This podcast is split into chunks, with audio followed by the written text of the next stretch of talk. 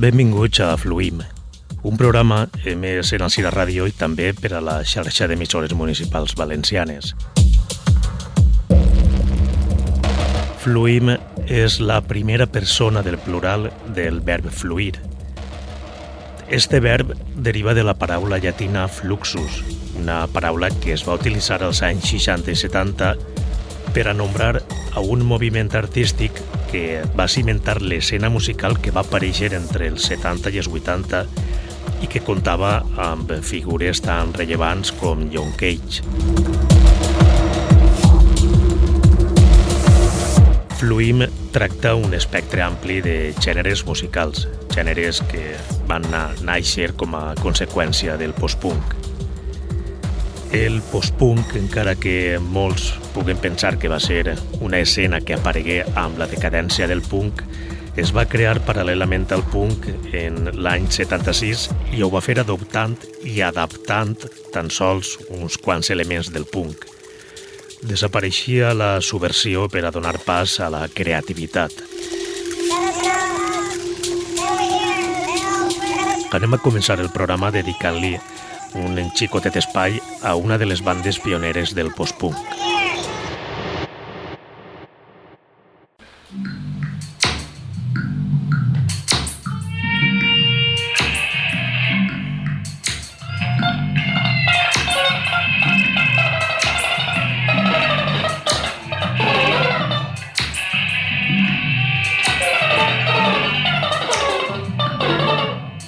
Ha sempre un fil de discussió al voltant del naixement del punk.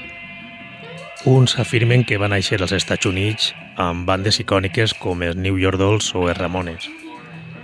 I uns altres diuen que va néixer a Londres amb l'aparició dels Sex Pistols o de Clash. Tots tenen raó i ningú la té perquè abans ja existia també el protopunk. El que està clar és que eh, l'any 1976 va ser un any important per al punk perquè en Londres es va amplificar en molt poc de temps, als pocs dies dels primers concerts dels Sex Pistols, de The Clash i des Damned van sorgir bandes punks per altres zones del Regne Unit, com per exemple els UK Subs, que es van formar en Leeds poc després d'haver presenciat els seus membres el debut dels Sex Pistols.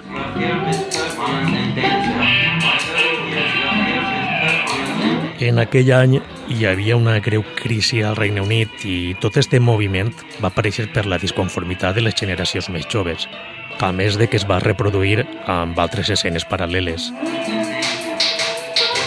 No es pot generalitzar dient que els Siouxsie and the Banshees van ser els pioners, però sí que va ser una de les bandes del post-punk que més pront es va formar. Els membres originals són Siouxsie Sioux i Steven Severin i encara que la banda va començar a tocar en 1976, no va ser fins dos anys després quan publicaren The Scream, el seu primer àlbum. Jigsaw Feeling és el segon tall de The Scream.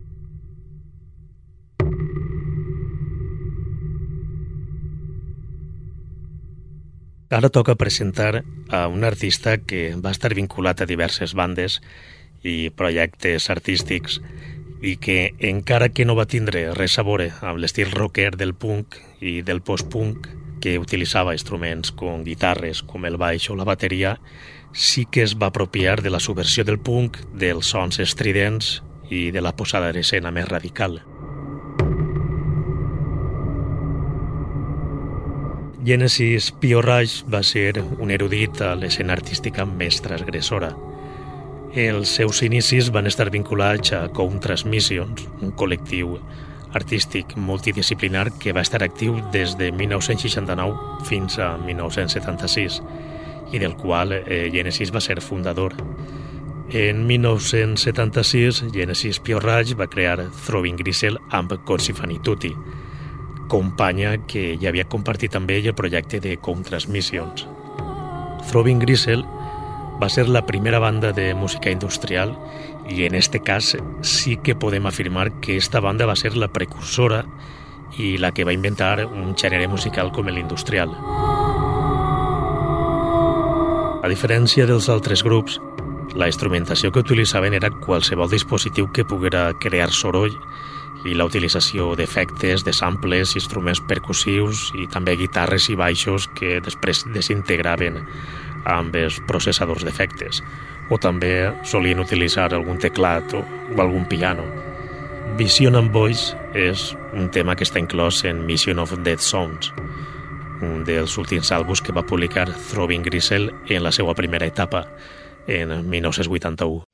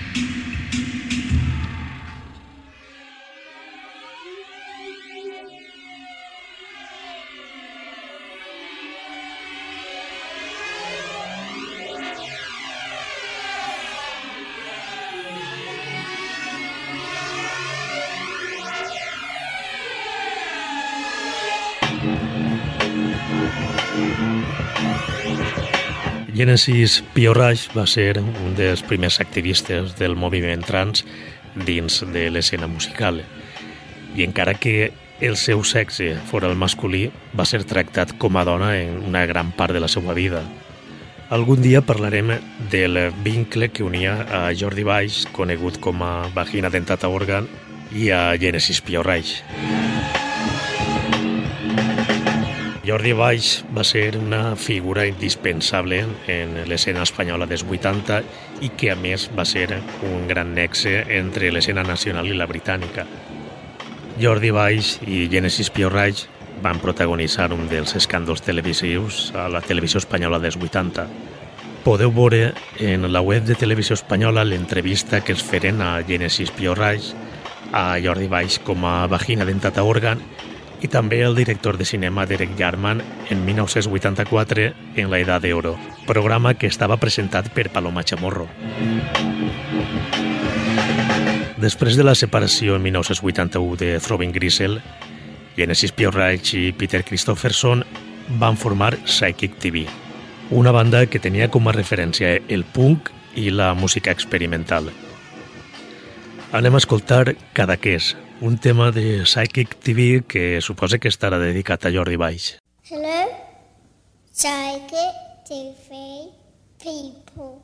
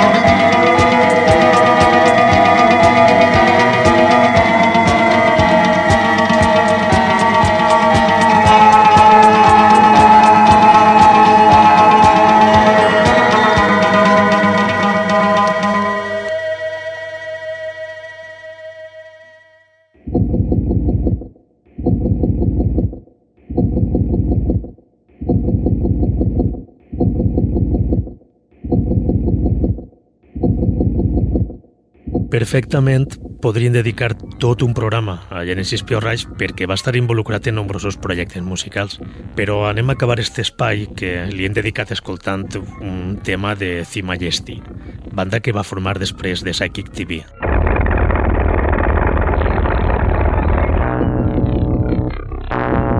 Genesis Piorraix va faltar malauradament el 14 de març de 2020 dia que recordem perquè va ser el dia que, que es van confinar.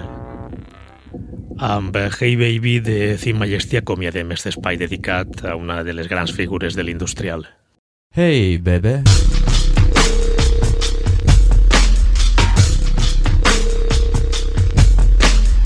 What you doing?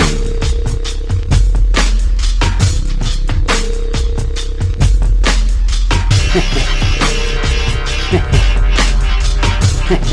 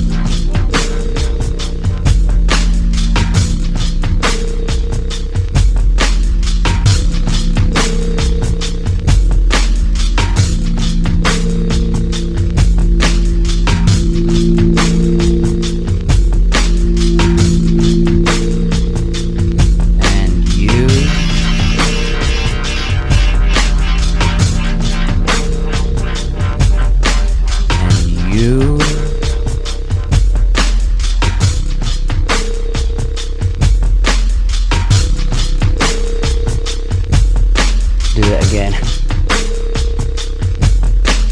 Do that again. Do that again.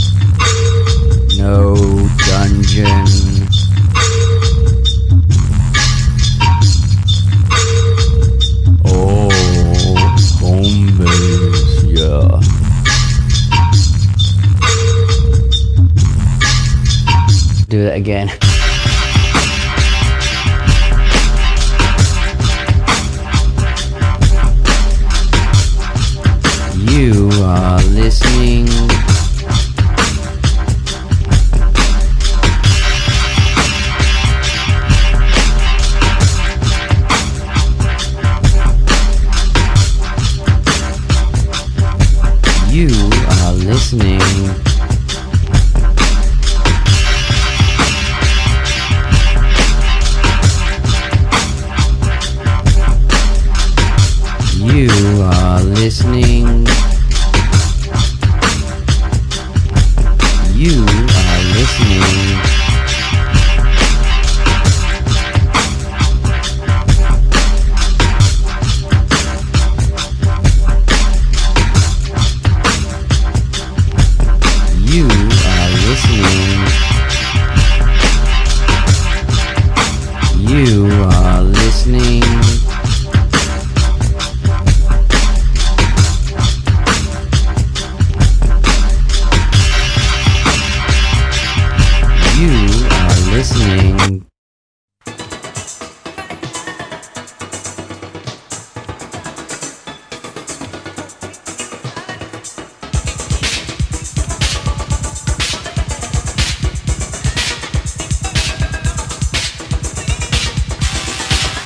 Registre per a parlar d'un altre gènere que va evolucionar arran del post-punk i que té molt poc a veure amb l'industrial o amb el punk. El Cold Wave va tindre la seva màxima expressió a França en els 80 amb bandes com Cas Product, Martin Dupont, Òpera Multistil o Trisomi 21, banda francesa formada en 1981 per dos germans Philippe i Hervé Lompred i per Jean-Michel Matussac i Pascal Tisson. Trisomi 21 va tindre prou notorietat a aquesta escena i també va sonar en moltes de les sales i locals valencians. Un dels discs que més es va punxar als 80 a València va ser Joburg and Two Other Songs. El tema principal és, com no, Joburg.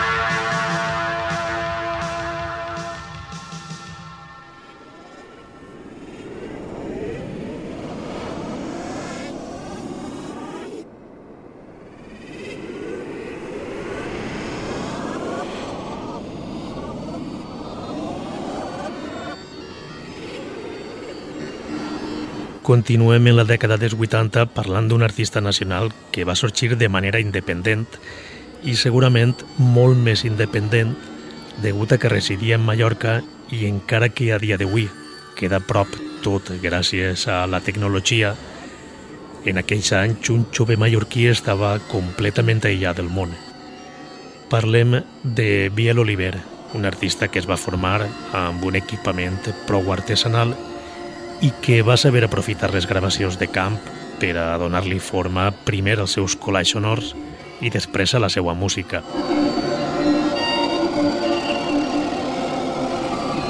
Amb aquestes primeres gravacions, Biel va crear Sociedades en Tetrabric en 1984, un projecte que opera com a sobrenom artístic de Biel Oliver i també com a setxell discogràfic.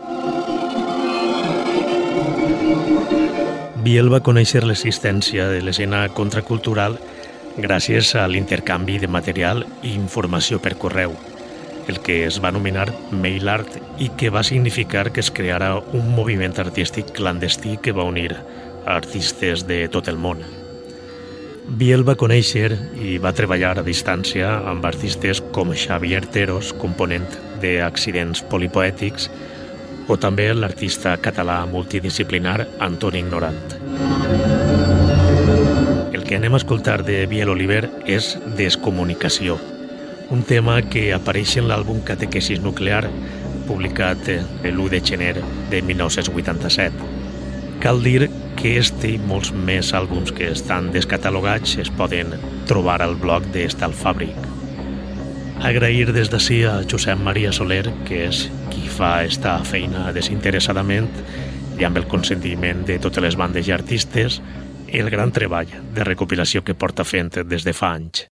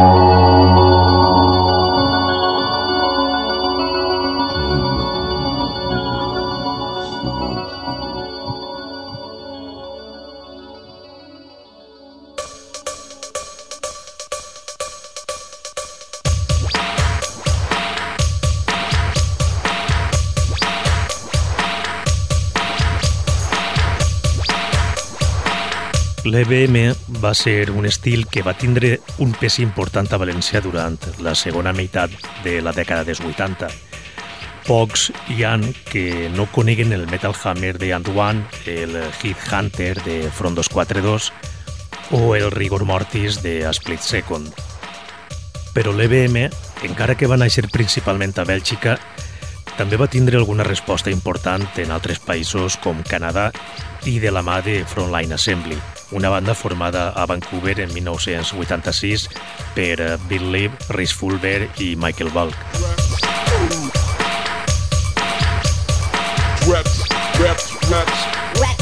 L'EBM, encara que és eh, un estil completament electrònic, té un so, sobretot, eh, amb les veus que recorda molt el punk i encara que unes bandes eren menys agressives, altres es mostraven dures i una d'elles era esta, Frontline Assembly, que a dia d'avui encara estan en actius. Així tot que els seus membres, en este cas Rhys Fulber, ja fa anys que treballen molt més en solitari.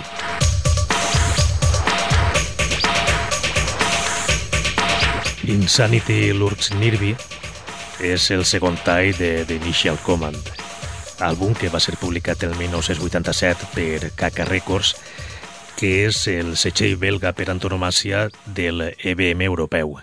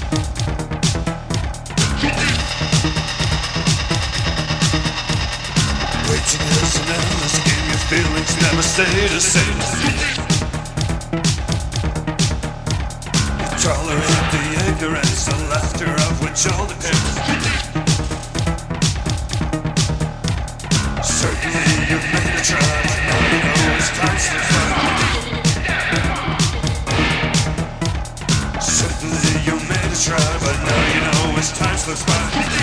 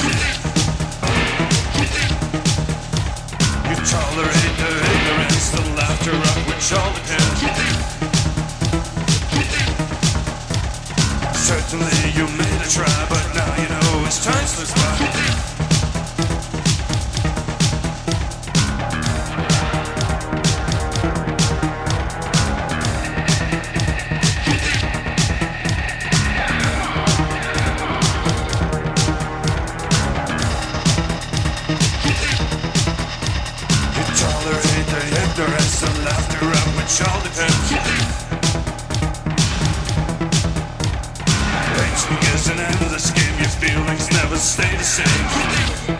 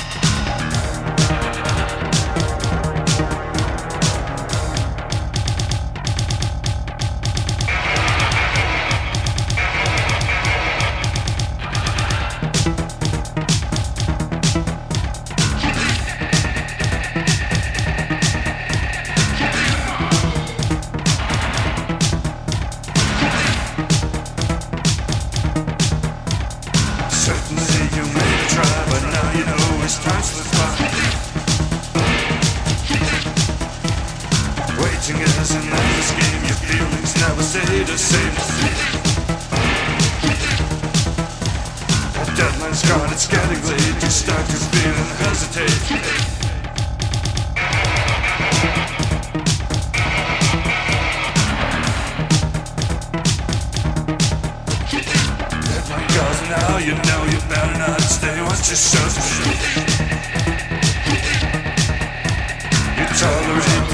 Ignorance, the laughter of which all depends.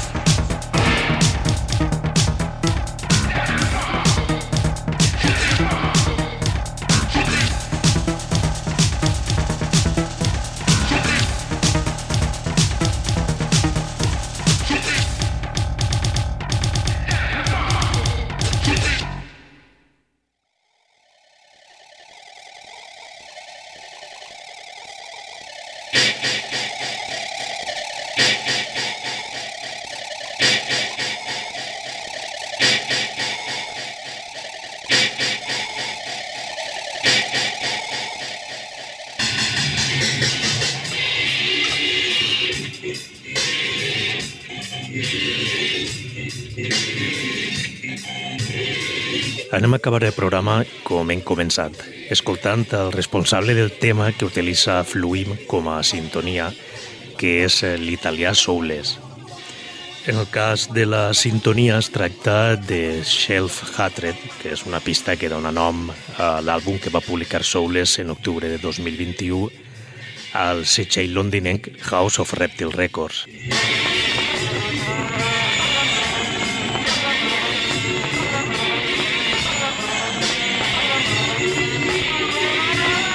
En este cas, finalitzem el programa amb una secció dedicada a Industrial Complex, plataforma valenciana que opera com a setxell discogràfic i també com a editorial, ja que fins ara du publicats eh, tres magazines, un llibre dedicat als 40 anys en actiu a Esplendor Geomètrico i a més d'altres llibres que conten la història de bandes com Absolute Body Control, German Army, Sisters of Mercy, Bauhaus, Heimbach i pròximament Nostalgia Etern i Òpera Multistil.